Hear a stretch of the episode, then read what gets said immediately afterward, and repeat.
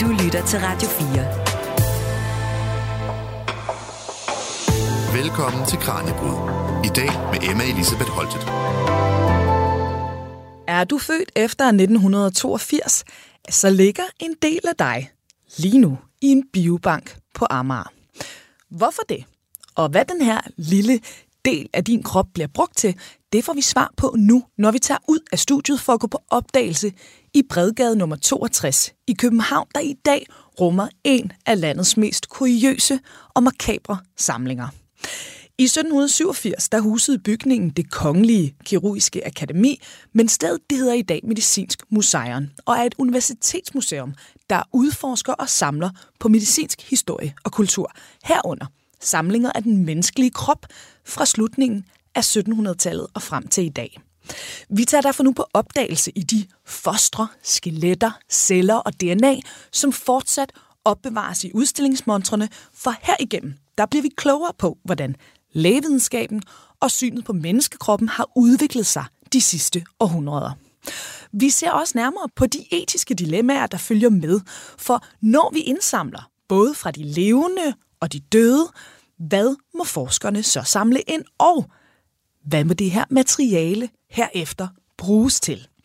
Alt det og meget mere, det får vi altså svar på nu. Velkommen her til dagens Kranjebrud. Du lytter til Radio 4. Vi er landet på Medicinsk Museum i København nu. Vi har forladt Kranjebryds studiet, og jeg står her sammen med Malte Kovaci Bjergård, der er kurator her på stedet. Og, øh, og Malte, du skal gøre os klogere på, hvordan og hvad vi har indsamlet i form af hele og mindre dele af danskerne igennem tiden i forsøget på at forstå menneskekroppen. Og øh, din baggrund er, at du er historiker, og så øh, står du altså og har hænderne nede i den her samling hele tiden. Og vi står ved, hvad du har sagt er jeres vigtigste genstand. Så jeg bliver nødt til at høre, hvad er det, vi står og kigger på? Altså, det er småt, så det, det syner ikke af meget. Man, det ligner måske, at øh, nogen har haft en, en lille hullemaskine frem, og så taget en, en udstansning i noget brun papir, som cirka måske sådan en, en, en lille diameter på en halv centimeter. Men grunden til, at jeg gerne vil fremhæve det, det er, fordi det her er en PGU-prøve. Mm. Og øh, nu ved jeg ikke, hvor gammel du er, men jeg er født i 1986.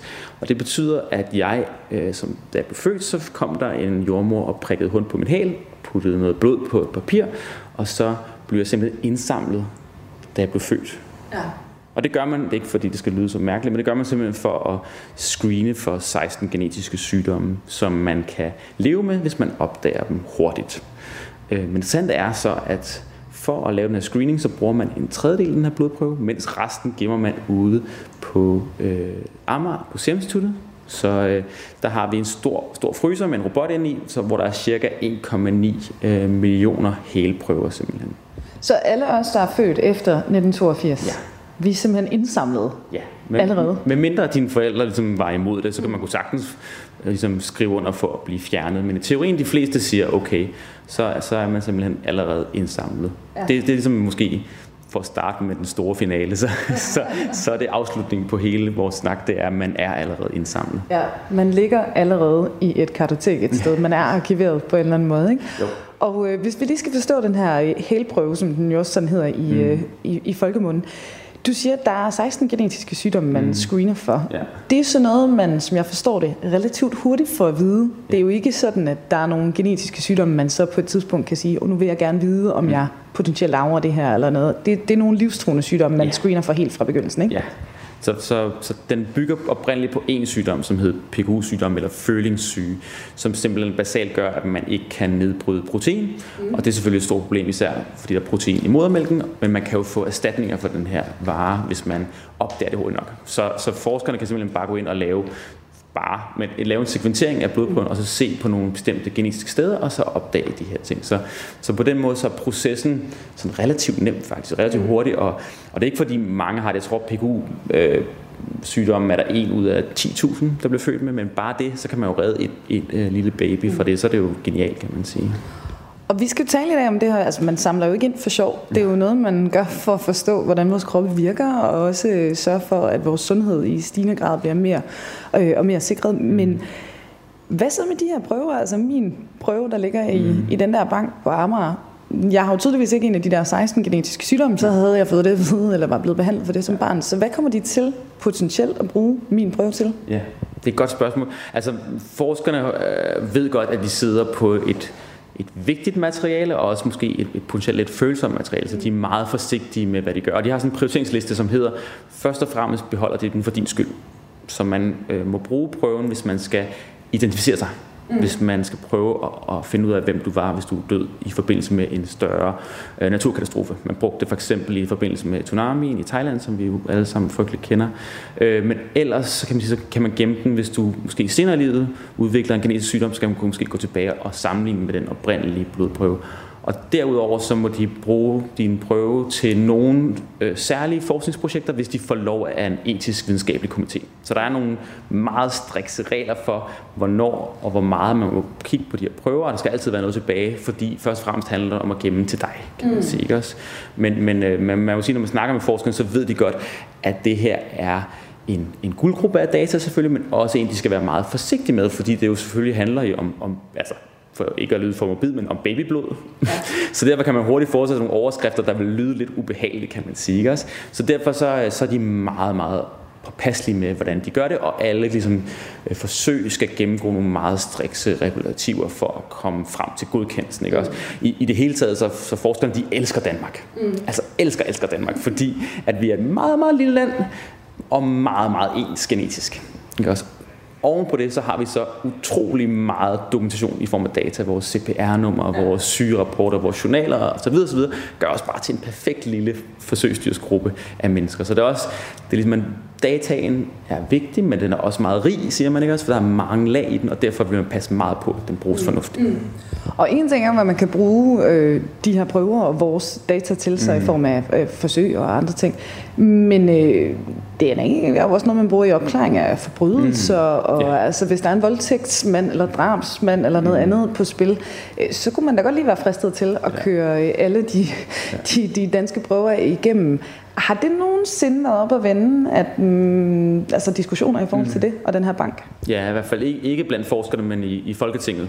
Altså det er jo klart, at, at det øjeblik, øh, nogle forfærdelige forbrydelser bliver begået, så vil man gerne vise handlekraft. Og så har nogen været ude og fremsætte forslag om, hvorfor skal vi ikke bare mm. simpelthen registrere hele pivetøjet, og så kan man jo simpelthen sammenligne, hvis der begås en forbrydelse. Og hvis man er uskyldig, så har man jo ikke noget at skjule, kan man sige.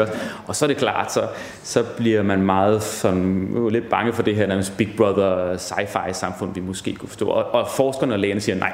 Altså, de ved godt, at hvis det her først sker, så vil deres prøver miste værdi, og folk vil øh, få det fjernet. Det sker faktisk allerede nu, kan man sige. Så hver gang, at det bliver talt om i Folketinget, så ringer nogen til Biobanken på Amager og siger, at jeg vil gerne have min prøve destrueret. Fordi ja. de bliver nervøs for det her potentielle skrækscenarie. Mm. Og, så, og det gør man så, så, så ødelægger man, der er ikke noget der. Men det er jo også derfor, at forskerne ligesom er vigtige, og det, vi synes, det er vigtigt at tale højt om, fordi jo mere man taler om det, jo mindre mystisk synes det. Mm.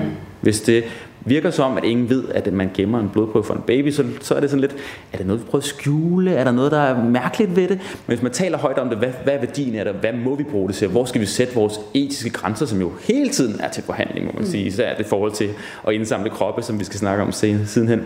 Så, så det er jo ligesom meget vigtigt, at diskussionen foregår i det åbne. Mm. Også fordi vi har jo den omvendte relevant i forhold til organdonation. Ikke fordi vi skal lande den historie så meget ind i det, men bare det, man skal jo sige, jeg vil godt være organdonation, mm. mens man også skal sige, jeg vil ikke indsamles. Ja. Ja, så der er sådan nogle forskellige former for, hvordan vi interagerer med det her system, mm. kan man sige. Men vi kan trække vejret stille og roligt, fordi det er til os lidt til noget forskning en ja. gang imellem. Og der er ikke noget, der hedder politi og Nej. Øh, indblanding i de her registre. Nej. Nej. Det, altså, så vil, så vil samlingen simpelthen miste sin mm. potentielle værdi for, for lægerne også. Mm. I forhold til, hvordan vi er indsamlet den mm. dag i dag, og vi vender tilbage til det her senere i udsendelsen, for vi skal jo også kigge på en masse af de øh, historiske indsamlede artefakter, I har i formaldehyd og skeletter og mm. alt muligt andet. Det, man måske klassisk forbinder med øh, medicinsk museum. Men vi skal også lige runde det danske genomprojekt. I har en kæmpe chip, som vi måske lige skulle... Øh, skal vi ja. gå hen og kigge på det? Ja, det er klart. Altså, øh, det er noget, som, som, som ikke syner meget, må man sige igen, fordi det er... Øh, svært at gennemskue, hvad det er. Mm. Altså, jeg ved, det er jo en, en, en lille sort firkant med noget sådan regnbuefarvet glas på.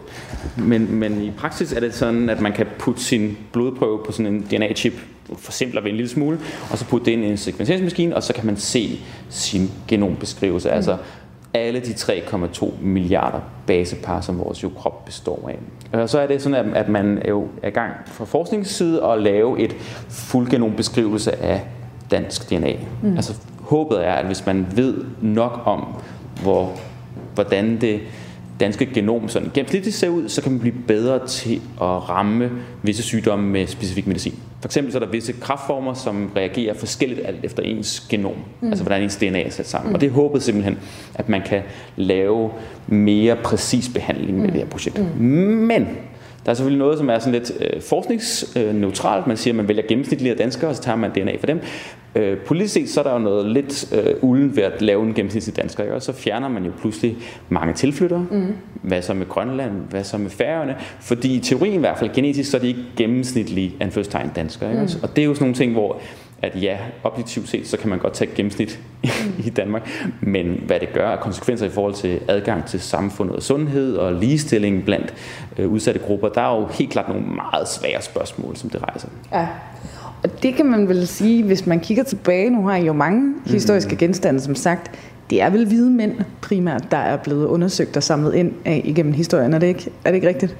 Jo, eller i hvert fald, man kan i hvert fald man kan sige udelukkende, det er hvide mænd, som har stået for indsamling ja. til at starte med. For, altså, men jo, du har ret. Men, men det er måske bare for at starte i rigtig rækkefølge, så, mm. så er det først og fremmest øh, hvide gamle mænd, der har indsamlet, og derfor ja. har de valgt hvad der var interessant at indsamle, og også hvad man måtte indsamle. Og så kan man sige, så er det i høj grad selvfølgelig øh, hvide mænd, som er blevet foretaget øh, test på i de sidste sådan 50-80 år. Kan man sige, den, den standard kroppen, man tænker, når man behandler, både mm. hvad enten det er kirurgisk indgreb eller medicinsk behandling, det er en, en hvid voksen mand, som ja. giver store udfordringer den dag i dag, må man sige. Og vi skal snakke mere om, hvem det er, man har mm. indsamlet fra sådan i løbet af programmet her. I forhold til udstillingen og hvordan den er, er blevet til, hvorfor er det relevant at se på ikke bare det, der samles ind lige nu, som mm. jo altså der vi startet, men også alt det her materiale, man har tilbage i tiden? Mm. Altså det, det giver også en forståelse af, hvor svært sundhed og sygdom er at forstå, hvor svært det er at lave forståelsen af, hvordan vores krop hænger sammen, og hvor man kan lave indgreb, og hvorfor kan man operere. Så det giver nogle indblik i den her rodede verden, som er vores hospitalsvæsen, og som er lægeuddannelsen, og som er vores egen erfaring af, af sundhed og sygdom. Øhm, og så viser den også, ligesom, hvad, hvordan de her skift sker alt efter både, hvad vi tillader kulturelt, at man må gøre med kroppe og viskrop, men også de her teknologiske fremskridt, Mm. For eksempel DNA-sekvensering eller mikroskopet, eller bare en skarpere kniv, som gør, at vi kan gemme nogle andre ting og stille nogle nye spørgsmål. Mm. Det må man sige, det er, også, det er også et vilkår for mange af de her samlinger, det er, at vi ofte kommer tilbage til dem for at sige, kan vi stille nogle andre spørgsmål med den maskine eller den viden, vi nu har i dag, og få noget mere bedre viden ud af det. Mm. Og øh, lytterne kan jo ikke se det, men jeres udstilling, vi var lige kort igennem, inden vi mm. tændte mikrofonen. Øh, det er jo også som om, at det starter med nogle meget store kropsdele, mm. ikke? og så ender det ned på det her niveau, hvor vi, altså, hvis ikke du havde sagt det, så ville jeg jo ikke vide, hvad der stod, den der lille hælprøve på pedestalen. Det er så småt, man ikke kan se det. Ja. Øh, så man er ligesom også startet stort, og så zoomet ind ikke, ja. igennem tiden og, og den her indsamling. Ja, vi, vi, vi har, vi har kan sige, lavet eller kurateret udstillingen ud fra ideen om skala, for at få et eller andet formidlingsgreb eller mm. en fortælling på den her udstilling. For det er et rigtig svært emne at behandle, fordi at genstanden er fantastisk, men også svær at håndtere selv for et sted som os. Øh, så det vi har gjort, det er, at vi har taget ideen om skala, altså kigget på det øh, fulde, fulde menneske, så fuldborgen første i det her tilfælde, så har vi gået et skridt ned til organer, så vi er gået et skridt ned til et meget tyndt snittet vævsprøve, altså en prøve fra en biopsi, som man mhm. kan putte i mikroskopet så går vi hen til cellekulturen, altså pludselig kan man dyrke cellerne uden for kroppen, og så ender vi så i molekyleverden med mm. DNA. Så det er sådan en måde at konstruere en, en udvikling på, som har en form for historisk progression, kan man mm. sige også. Altså, der kommer flere og flere og flere prøver, det bliver mindre og mindre, men den viden og den data, vi kan hente ud, bliver større og større, større, større, større. Mm. Til sidst har vi så meget data i dag, mm. at vi ikke helt kan holde styr på det, ikke ved helt, hvad for nogle spørgsmål vi skal stille til det. Og der er jo også det her med, at hvis vi kigger på de ældre genstande, som vi skal se på lige om mm. lidt, de er jo samlet ind fra afdøde. Mm. Men vi står og snakker i dag, og vi er allerede indsamlet. Yeah, så yeah. på et eller andet tidspunkt i yeah. historien, så er det altså også gået over til, at man har kunne samle ind fra folk, mm. der var, var levende. Ja.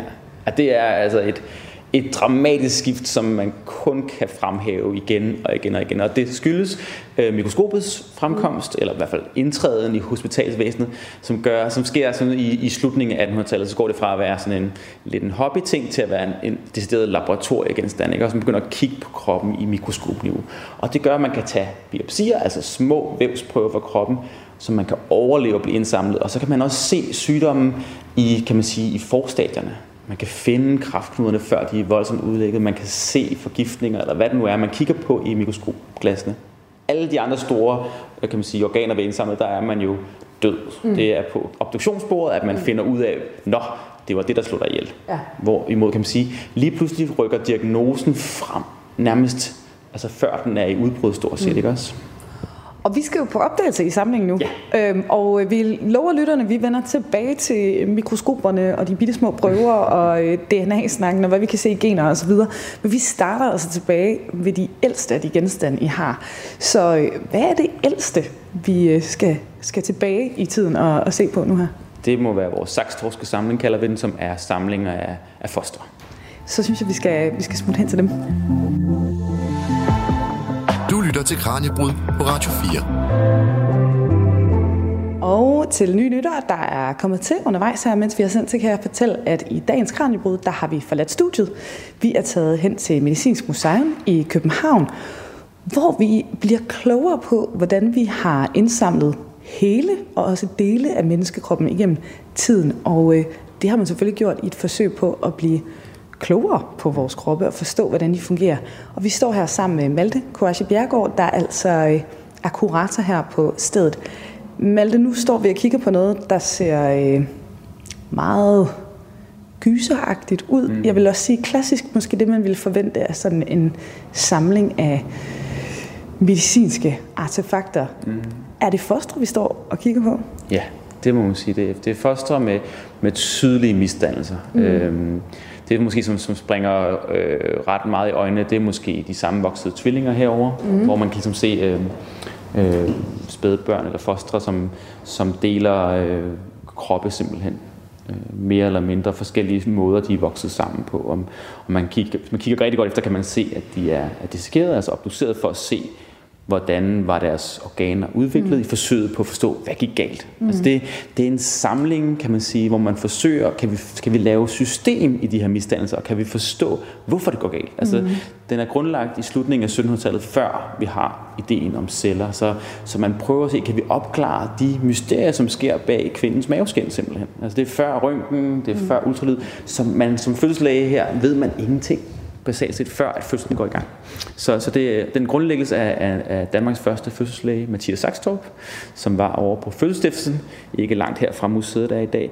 Og han, han, han indsamler simpelthen meget af det samme. Mm. Så, så for eksempel de, de sammenvoksede tvillinger, eller også det, som hedder syrenesyndrom. Altså det her, hvor at de to store øh, blodårer i benene ikke deler sig mm. øh, under udvikling, og så får man sådan en klump for neden, som så kan man sige, lidt klassisk blev tolket ud for de her fortællinger, vi havde fra antikken. Mm, ja, en sirene eller havfru. Ja, præcis. Hale, ja. Ligner, ikke? Ja. Og så er den her samling simpelthen bare vokset i løbet af, af 200 år i forsøget på at sige, at der må være et system. Altså her i 1800-tallet, så var en af de gængse teorier, der var noget om, om, om at, at de her misdannelser kom fra, hvad kvinden oplevede. Mm. Så hvis kvinden så en ulykke eller noget ubehageligt, kunne det simpelthen smitte af og kopieres i fosteret.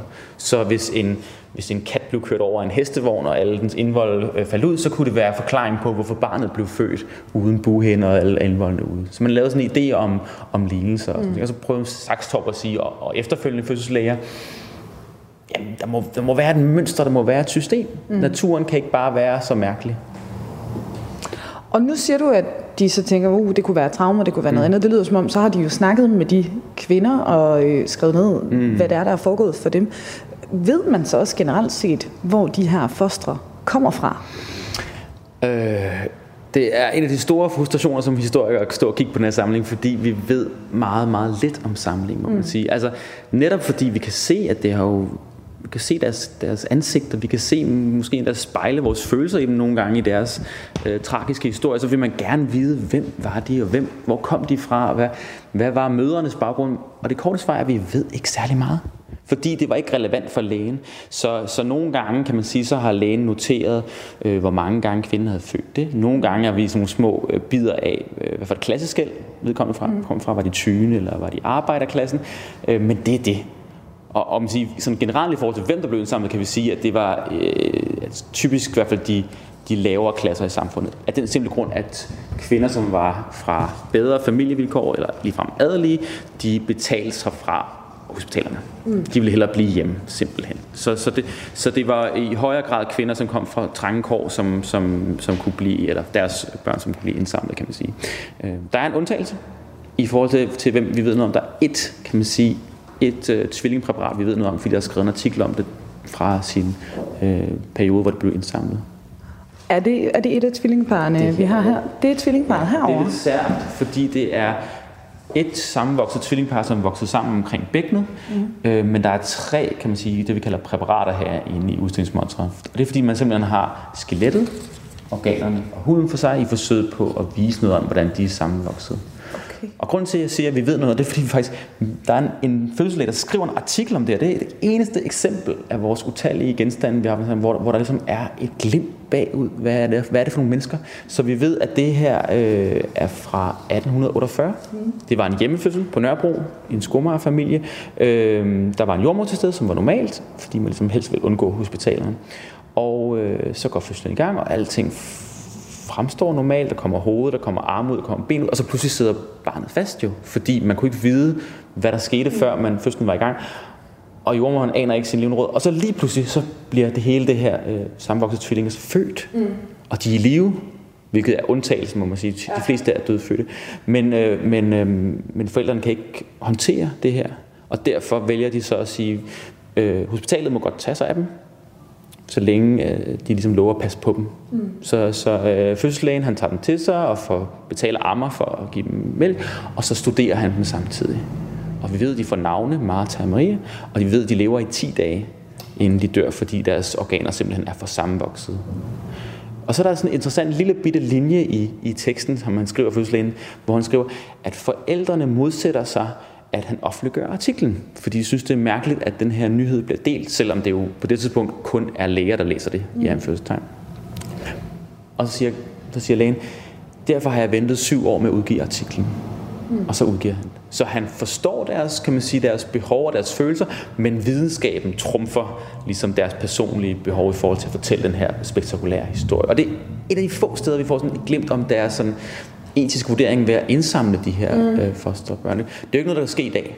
Det er umulig samling at lave. Man kan kun donere sin krop, hvis man er fyldt 18. Mm. Ergo kan man ikke donere sig selv som barn, og forældrene kan heller ikke donere deres børn til mm. de her samlinger. Så, så det findes ikke længere simpelthen. Ja, det er jo en anden ting, der er lidt interessant, når man står og kigger rundt. Altså den der, øh, hvad er en krop? For nu siger du, man kan ikke mm. donere sin krop, men mm. vi får jo taget en helprøve, yeah, lige det vi yeah. bliver født. Ikke? Så er det også noget, I behandler her i udstillingen? Altså det der med, der er jo små dele, der er store mm. dele, der er hele kroppe, og forskellen på det? Ja, altså det, det er sikkert et meget personligt spørgsmål, men hvornår føler du, at noget, du mister, ja. ikke er din krop længere, ikke? Også, hvor, hvor grænsen sikkert går flydende, men, men personligt i hvert fald, så, så tænker jeg ikke, altså når mit blod kommer ud af mig, når jeg giver til bloddonation eller lignende, så tænker jeg ikke, åh, der røg noget af min sjæl med sig. Selvom på mange måder er det jo mm. lige så, så livsgivende og lige så vigtigt for kroppen. Og, og det er jo det, som er det svære ved det, ikke? Også den, den følelsesmæssige kobling til det. Altså, vi er alle sammen enige om, at vores arme er ret vigtige for, hvordan vi fungerer, og vores ben og så videre, og vores organer. Men de her ting, som er i gråzoner, spyt, man kan få DNA-prøver fra, eller blod, ikke også? De er i sådan en underlig limbo, fordi vi for det første ikke rigtig ser det, men der er noget rivragosende galt, og også fordi det er de få ting, som kroppen ligesom kan reproducere, uden vi sådan opdager, øh, at, at der er noget sådan, at vi er dø af det, kan man sige. Mm. Jeg synes stadig, det er mærkeligt, at man kan tage, man kan jo tage en halv liter blod, uden at få det dårligt. Mm. Altså, og man kan ikke mærke det. Det, synes, mm. det skal stadig overraske mig den dag i dag, at, at der ligesom er de her ting, som, som er så forskellige i forhold til, hvordan vi oplever den der indsamling af krop. Mm. Og når de besøgende kommer herind, fordi netop de kan stå og kigge på de bitte små mikroskopiske prøver, mm. så er der også øh, den ældre samling, som vi altså står i nu, mm. med fostrene og de andre ting, vi skal kigge på her i løbet af udsendelsen. Hvad er de umiddelbare reaktioner fra de besøgende? Altså, er der noget, de bliver draget mere af end, end andet herinde? Altså fostrene selvfølgelig ikke også, så det er jo det, vi alle sammen bliver draget af, fordi vi kan, vi kan se det, og vi har jo et, et, et særligt forhold til børn af gode grunde, så, så det er det, som folk bliver, bliver enten tiltrukket eller frastødt. Mm. Det må man sige. Vi, vi gør meget ud af at fortælle, at man skal gå ind i den her udstilling på sin egen kan man sige, sine egne præmisser. Hvis mm. man ikke kan klare det, så er det helt okay, enten at sidde ned på en bænk eller gå helt væk. Mm. Især i forhold til, når der kommer øh, folkeskoleelever ind, så ja. er det vigtigt, at de ikke skal besvime, men, men ligesom ved, hvor de er. Ikke? Og så er det også vigtigt for os at forklare konteksten, at det ikke har været et freak show. Mm. Det har ikke været indsamlet, fordi så kunne man stå og, og lave en udstilling om det, det har været for at lave videnskab. Og mm. det er det, vi baserer vores hospitalvæsen mm. på. Men, øh, men den kropslige reaktion, vi får på at se det her, er jo meget relevante. Mm. Fordi det er jo ligesom en, det minder os om det offer, som, som nogen frivilligt eller ufrivilligt, må man sige, har, har bragt for, at vi kan få den her viden, og som vi stadig skal tage stilling til. Hvordan, hvordan tester vi ny medicin, hvis vi mm. ved, det er farligt, for eksempel. Ikke? Også de her ting, som, jo, som hele tiden kommer tilbage. Hvad er det for et offer, vi skal bringe for at blive bedre til at behandle vores krop? Og I er jo en del af Københavns Universitet. Det er jo kun en lille bitte, bitte, bitte del af alt det, videnskaben har brugt igennem tiden af menneskedele og menneskekroppe, mm. som offentligheden kan komme ind og opleve her. Hvad gør man, når...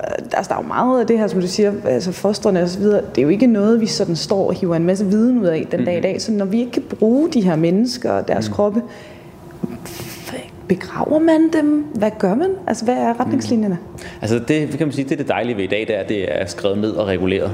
Modsat 100 år siden, hvor det bare var øh, lægens øh, egen regler, der galt, så, så står det hele, kan man sige, sort på hvidt, hvad der sker. Og det er sådan, at, at i hvert fald i forhold til øh, den klassiske donation af kroppen, det vi kalder som kropsdonationer, mm. hvor man testament, testamenterer sin krop til videnskaben, ikke også? For eksempel så ved vi, at medicinskolen her i København, de bruger cirka 200 kroppe om året til at uddanne læger. Så alle læger skal have dissekeret en krop i forbindelse med deres uddannelse. Mm. Og der sker simpelthen det, at man sørger for, at alt, hvad de dissekerer, bliver indsamlet i spandes, og folk bliver ligesom holdt sammen, sådan så man bliver, kan blive begravet bagefter. Mm. Enten på de ukendte grav, eller et andet sted, alt efter hvad der står i ens testamente. Så man er meget opmærksom på, at, at det er den hele krop, som kommer ind, og den hele krop, som kommer ud igen. Nogle gange tager det et år, og nogle gange tager det flere år, før at man er, ligesom har færdig med den videnskabelige øh, relevans for det her projekt. Mm. Men man sørger altid for, at der er en værdig afslutning mm. på de her projekter, kan man sige. Og det, det er det, som adskiller sig. Og det er jo også et, et spørgsmål, som alle medicinhistoriske museer skal håndtere med deres samlinger, fordi at det er svært. Mm. Altså det er svært at stå og kigge på de her foster og ikke tænke, skulle de have været begravet? Mm. Hvem blev spurgt om lov? Øh, visse, visse af vores kollegaer i Norge, de har, de har valgt at begrave øh, de her samlinger i en hvid jord, for ligesom at sige, det kan vi ikke håndtere. Du lytter til Kranjebrud på Radio 4. Og til nye lyttere, der er kommet til undervejs i dagens Kranjebrud, der er vi altså på opdagelse i Universitetsmuseet Medicinsk Museum, hvor vi sammen med kurator Malte Koashi Bjergård bliver klogere på, hvordan og hvad vi har indsamlet i form af hele og mindre dele af os danskere gennem tiden i forsøget på at forstå menneskekroppen. Og øh, nu skal vi tilbage til museet. Du lytter til Radio 4. Malte, vi skal videre og kigge på øh, det, I kalder tør mm. samling. Ja. Det sagde du, at det, det er sådan lidt jeres begreb. Medicinerne, de har faktisk lidt en anden måde at, ja. dele det op på, ikke? Altså, vi, vi kalder den, den den tørre samling her, fordi det simpelthen består af, af vores knogler og kranier, ikke? så det er ikke i væske. Så derfor har vi ligesom en, en klar opdeling. Men du har ret i, at, at, at hvis man skal uddannes som mediciner, så lærer man en anden adskillelse. Og det er simpelthen, at den tørre samling er samlinger af, af krop, man ikke kan røre ved. Mm. De kan være i væske, de kan være, øh, være tørre som knogler, men man kan ikke røre ved dem.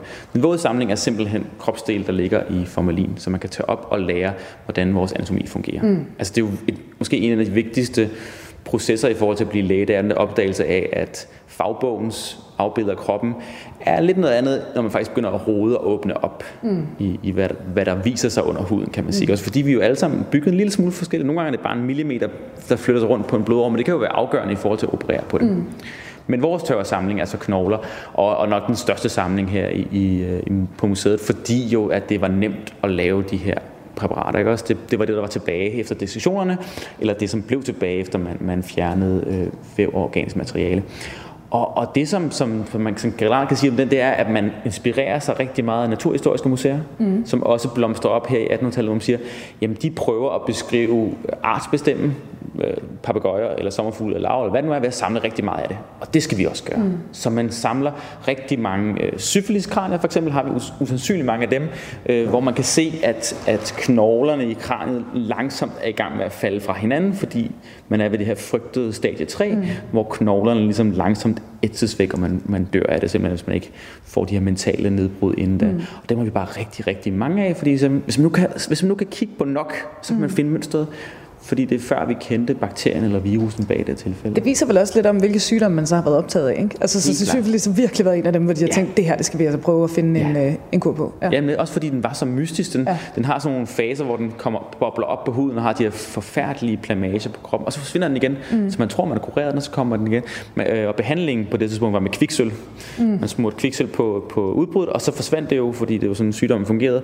Øh, jo ikke var så heldig, fordi det var voldsomt forgiftende, og man blev også lidt skør af det. Det er Ja. svært at sige, ligesom, hvad der slog patienten ihjel i det her tilfælde, om det var kviksølvet eller, eller syfilis. Men, men det er klart, at de her seksuelle sygdomme har jo været fascinerende, fordi man ligesom prøvede at stoppe dem, mm. uden at vide, hvad, hvad den bagvedliggende grund var. Ikke også? Og så noget, som også viser sig ved den samme, det er jo, at det paradoks af, at for eksempel ved syfilis, hvor man kan se de her voldsomme nedbrydning, krater i, i pandelapperne, ikke også?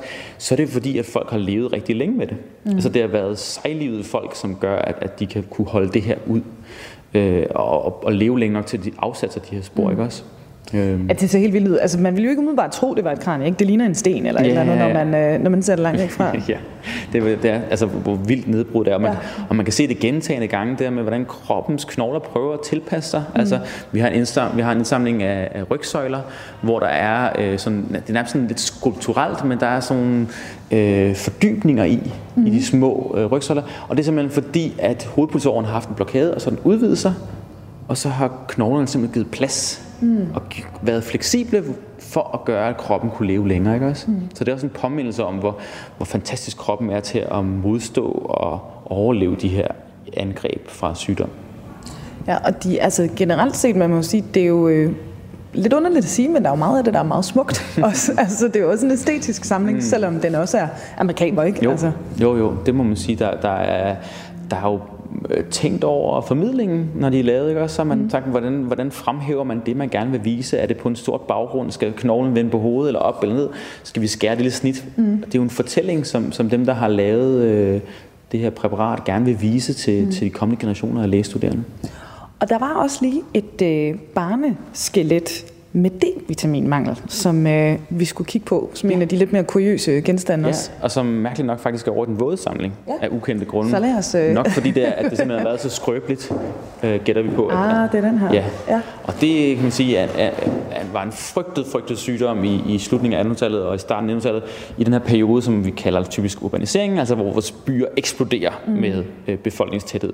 Og vi får de her klassiske øh, arbejderkvarterer, hvor folk bor i baggården til baggården til baggården, og ikke får ordentlig kost, og ikke får nok sollys. Og så hvis man ikke får fisk eller sollys, så får man en D-vitaminmangel, og det øh, gør simpelthen, at man får bøjelige, skrøbelige knogler. Hvis man kan se det her øh, skelet af barnet, så ligner det, at det er et gummiskelet fra Halloween. ja, det gør det godt nok. Altså det, det ser helt forfærdeligt ud. Det, det kan ikke være til at leve med. Og det er simpelthen en, en mangelsygdom, ikke også?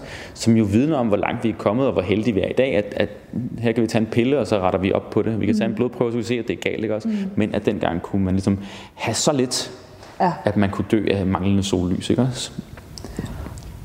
Og altså et relativt gammelt barn jo, ikke? Vi har, er, det, er det tre år, står der? Ja. Mm. ja. Ja. Så det er længe alligevel, man har, Det man har sige. levet med den uh, Det må man sige, det er, ikke, det er ikke til at forestille.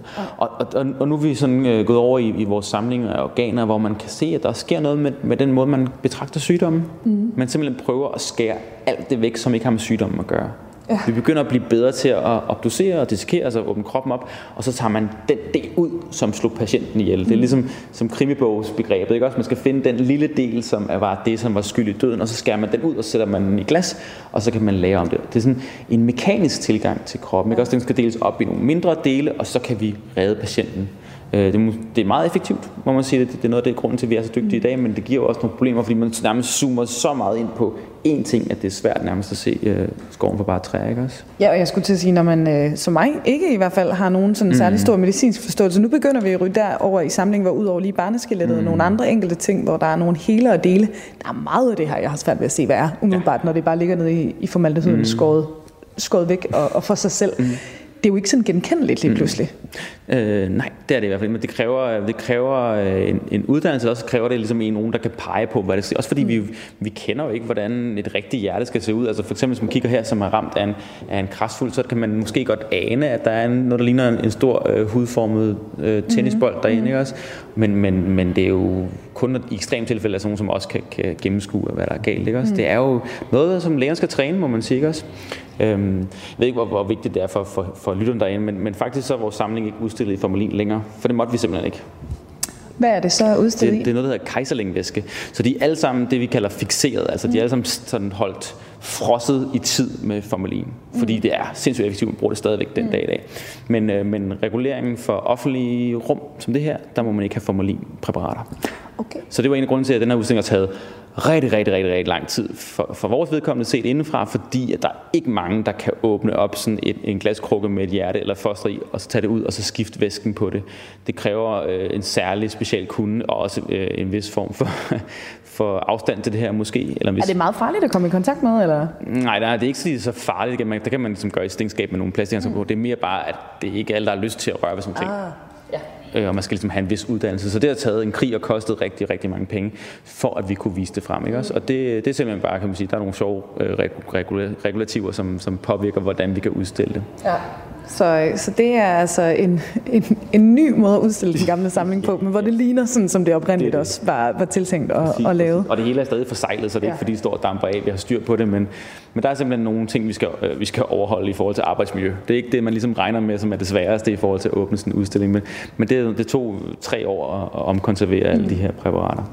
Og når vi står her, der er jo, øh, vi snakker meget om de medicinstuderende, mm. og øh, generelt også forskerne inden for, for lægevidenskaben, der skal prøve at blive klogere på, på menneskekroppen. Mm.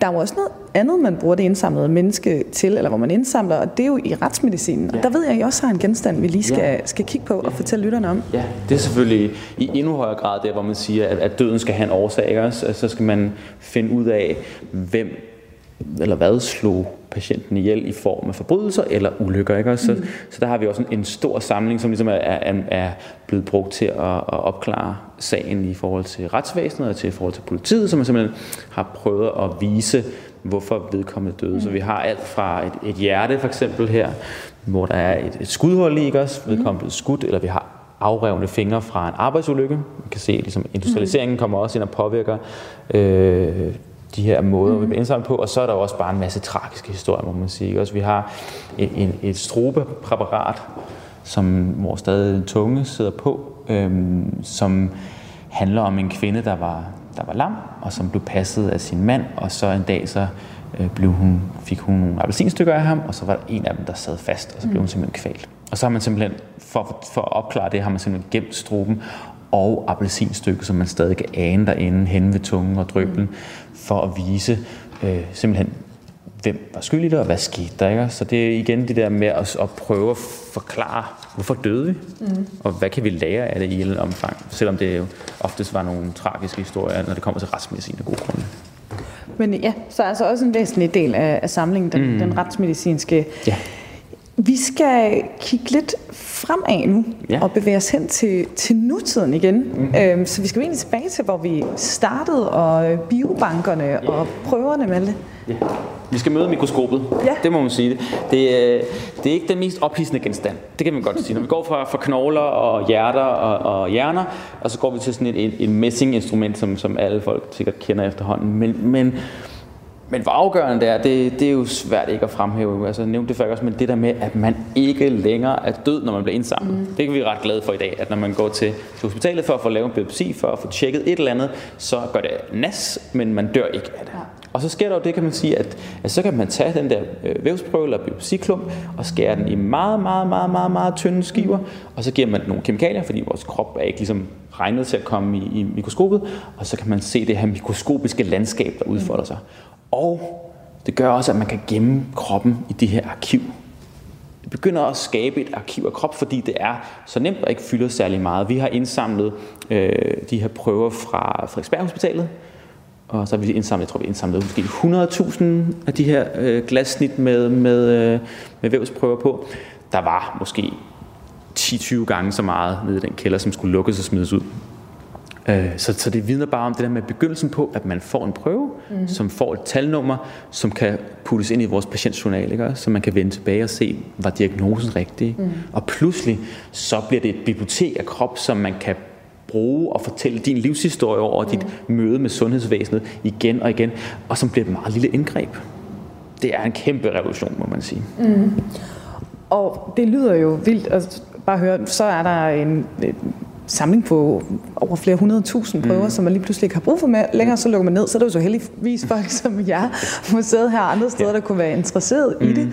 Øh, men altså generelt set, det må vel være nogle værdifulde samlinger, altså sådan noget data og mm. de her prøver. Ja. Det er vel ikke sådan noget, man bare lige går og skiller sig af med? Nej, nej, nej. Det, det, det er jo et ressourcespørgsmål, man må sige, og vi ved, at, at Rigshospitalet, som, som blev bygget i 1910, de har gemt alle deres prøver. Okay. Fordi man simpelthen siger, hvad hvis vi går tilbage og, og stiller nye spørgsmål mm. til det? Kan, kan man tjekke andre behandlingsmåder? Eller også øh, prøver fra børn. Ja. Man siger også ting, som man ikke kan få fat i i høj grad i dag, af gode mm. grunde, heldigvis, så kan det være relevant at sige, jamen så lad os, lad os få så meget ud af den prøve, som blev taget i 1960'erne. Mm. Gå tilbage og kigge på, kraft i testiklerne, eller hvad det nu er, og så prøve at blive klog på, hvorfor er det, det sker, og hvorfor sker det for nogen mere end for nogle andre. Ja. Så der er helt klart det der med at, stille nye spørgsmål til gamle prøver, som kommer igen og igen og igen, mm. øh, og som gør det vigtigt, kan man sige, ligesom, ligesom vores foster, hvis de bliver taget ud af kontekst, så kan de ikke bruges til særlig meget andet end vores fortælling om historie, og det samme med, med de her prøver, ikke? også hvis deres journalnummer forsvinder, så har de ingen værdi. Altså, det er den der underlige med, at, at pludselig så er prøverne så små, at de skal kobles op på en person for mm. at kunne fortælle noget om, hvor var de i deres livsforløb, mm. hvor kom de fra osv. Så, så, så her bliver det umådeligt relevant at have den her kobling af data og person. Og man skal jo ikke, altså det, det er meget svært det her med at bede folk om at kigge ind i en krystalkugle mm. og forudsige fremtiden og sådan noget, men det er jo klart, der vil jo være nogle ting, vi vil kunne bruge mm. prøver mm. til i fremtiden, som vi ikke kan i dag. Jeg ved, der er noget med noget koleravand, der mm. også øh, er opbevaret, altså simpelthen noget vand med, med kolerabakterien øh, i, mm Hvorfor er det, at den er øh, noget, nogle forskere sådan har kæmpet for at få lov til at åbne? Ja, øhm, altså det, det, det, det er en generel tendens i museumsverdenen, det er, at, at man går og kigger på, på deres samling og siger, kan vi, kan vi få noget viden ud af det, nu vi mm. har for eksempel DNA-sekventering eller mm. andre dele. Og så uh, har vi en helt unik, unik genstand i vores samling, som er en, en forsejlet glasflaske mm. med noget mælkehvidt væske i bunden. Det hedder risvand, som er noget af det sidste, der kommer ud af en person, der er ramt af kolerabakterier. Den her frygtelige, frygtelige infektion af en bakterie, som gør, at man jo nærmest, altså undskyld udtrykket, skider sig selv ihjel. Ja. Det findes jo stadigvæk i, mm. i nogle dele af verden, uheldigvis. Men den her øh, forsejlede glasflaske er fra København fra 1853, fra en af vores sådan, sidste store udbrud, inden vi begynder at, at sanere København i høj grad. Og så er der en eller anden læge, af en eller anden grund, har taget øh, det her risvand, mm. altså det sidste koleravand fra en døende patient, forsejlet den med, med varme, og så gemt den som, ja, som hvad? Som souvenir, eller som data til kommende generationer. Man kendte ikke kolabakterien, mm. så vi forstår ikke helt, hvad argumentet var, og lægen har ikke skrevet noget om, hvorfor det er. Men den er der, ja. og det er helt unikt, fordi at der er nogle forskere, tænker, hvad nu hvis vi åbner den flaske op, og så sekventerer, altså tager DNA'et af kolabakterien, så kan vi sige noget om, hvordan den har udviklet sig. Ja. Hvad er det for en type, som København slås med? Hvad er det for en type, Bangladesh slås med i dag? Og kan vi blive klogere på at behandle det, og forstå de her underlige, komplicerede smitteveje, der er i hvert samfund? Problemet er bare, at hvis man åbner den, så ødelægger man den. Glasset er så gammelt og så skrøbeligt, at man vil simpelthen vil destruere genstanden ved at gøre det. Og så er det ligesom et klassisk forhandlingsspørgsmål. Hvem har mest ret til det her, og hvem fortjener at få noget ud af det? Og, og det er stadigvæk noget, vi diskuterer den dag i dag, også fordi man jo... Mm, hvis man ødelægger den, så har man ødelagt den en gang for alle.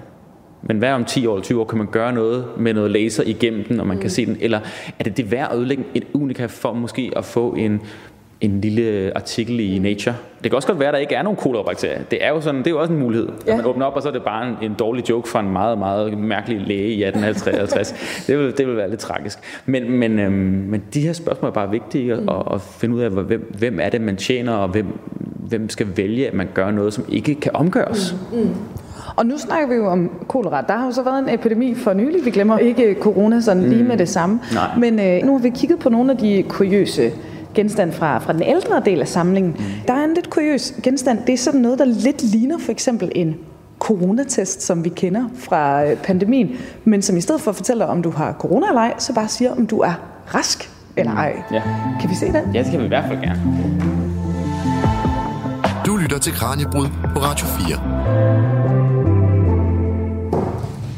Det er den, der ligger her. Det er den, der ligger der. Og det, og det siger om noget øh, om vores skiftende forhold til, til medicin og hospitalvæsenet, fordi udstillingen her er lavet øh, før corona tilbage i mm. 2015. Så, så der vil de her øh, to hvidlige chips, som folk kender så godt med, med en rød og to mm. røde streger, øh, have, have, ikke har skabt samme genklang, som det gør den dag i dag, hvor folk sikkert tror, det har noget med corona at gøre. Mm. Men det er noget, der, der er et, et dansk øh, firma, som er i gang med at udvikle, som hedder noget Supernostic, og ideen er simpelthen sådan lidt forsimplet sagt, at man putter blodprøve på sådan en hvid chip, og så mhm. får man en streg, hvis man er syg, og to streger, hvis man ikke er syg. Bum, færdig, og så er en af vores store sundhedskriser løst. Ikke også? Fordi i teorien, hvis man tager den til det ekstreme, så kunne man have det i ambulancen eller på skadestuen, og simpelthen sortere folk rigtig hurtigt, mm. og så er, er der flere ressourcer til dem, der reelt er syge. Det, det er jo igen altså, tilbage til værdien mm-hmm. af vores øh, data, og ja. også, der er jo også noget økonomisk, der mm-hmm. hænger sammen med det her. Vi snakkede også om Henrietta Lacks tidligere. Ja. Der var jo også folk, der tjente penge på de ting, man udviklede med, med hendes celler. Så der er jo også en del af det her, der handler om en industri, ja.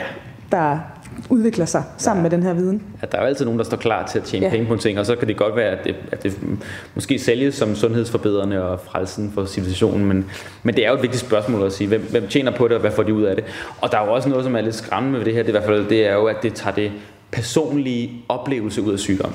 Altså, mm. Hvis du føler dig syg, er du så syg, eller hvis mm. chippen der siger, nej, du er bare et kemisk interval, og det er baseret på, på meget um, sige, håndgribelig mm. videnskab. De kunne simpelthen gå ind og se på Hvide Hospitalet, om folk vil blive genindlagt. Mm. Altså der er, de har en, altså, reelle data at bygge på, at de har noget, som, som at have det i.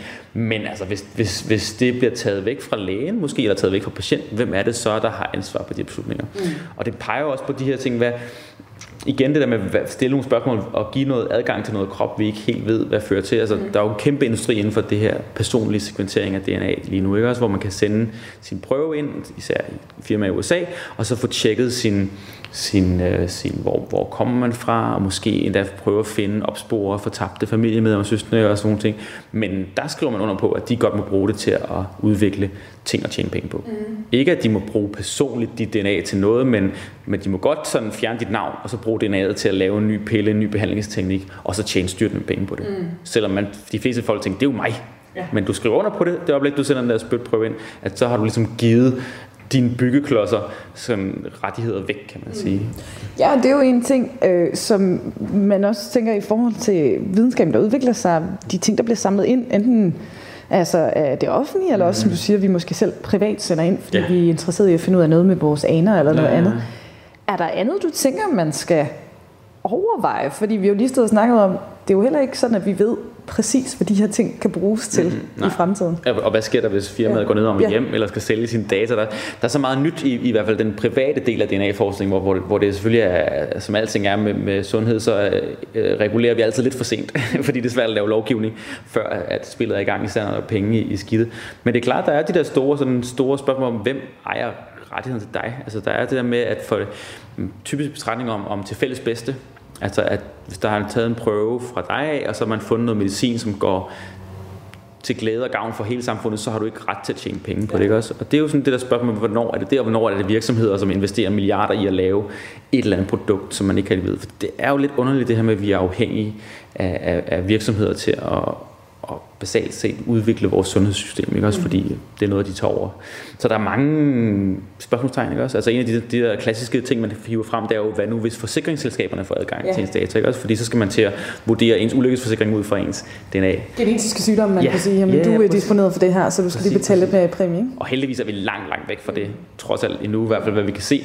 Men det er sådan noget, som, som, som stiller nogle spørgsmål, hvad, hvad er det for nogle data, du opgiver, når du sender det ud i verden, og også det der med, at, at hvor dårlige vi er til at håndtere den data nogle gange. Altså, man kan jo i dag kan man godt blive screenet for, for, for ens forøget risiko for kræft, men risikovurdering er noget, mennesker stinker til generelt. Mm. Så hvis du får at vide, at du har 20% risiko for en eller anden kræftform, er det så noget, der gør noget for dig? Kan du forholde dig til den ting? Og typisk, jeg personligt vil jeg ikke kunne forholde mig til det overhovedet. Mm. Også? Mm. Og så er der så den ekstreme grad, at folk, der har gjort det, så de opdagede, at, de ikke, at deres morfar ikke var deres morfar, mm. og alle de her fortællinger, som selvfølgelig er, er anekdotiske også, men som, som jo peger på, at, at, at det er alvorligt, når vi indsamler kroppen, fordi det handler om os, mm. og det handler om vores liv, og ikke bare, kan man sige, om en blodprøve, men også handler om, hvem du er, og din identitet, ikke også? Ja.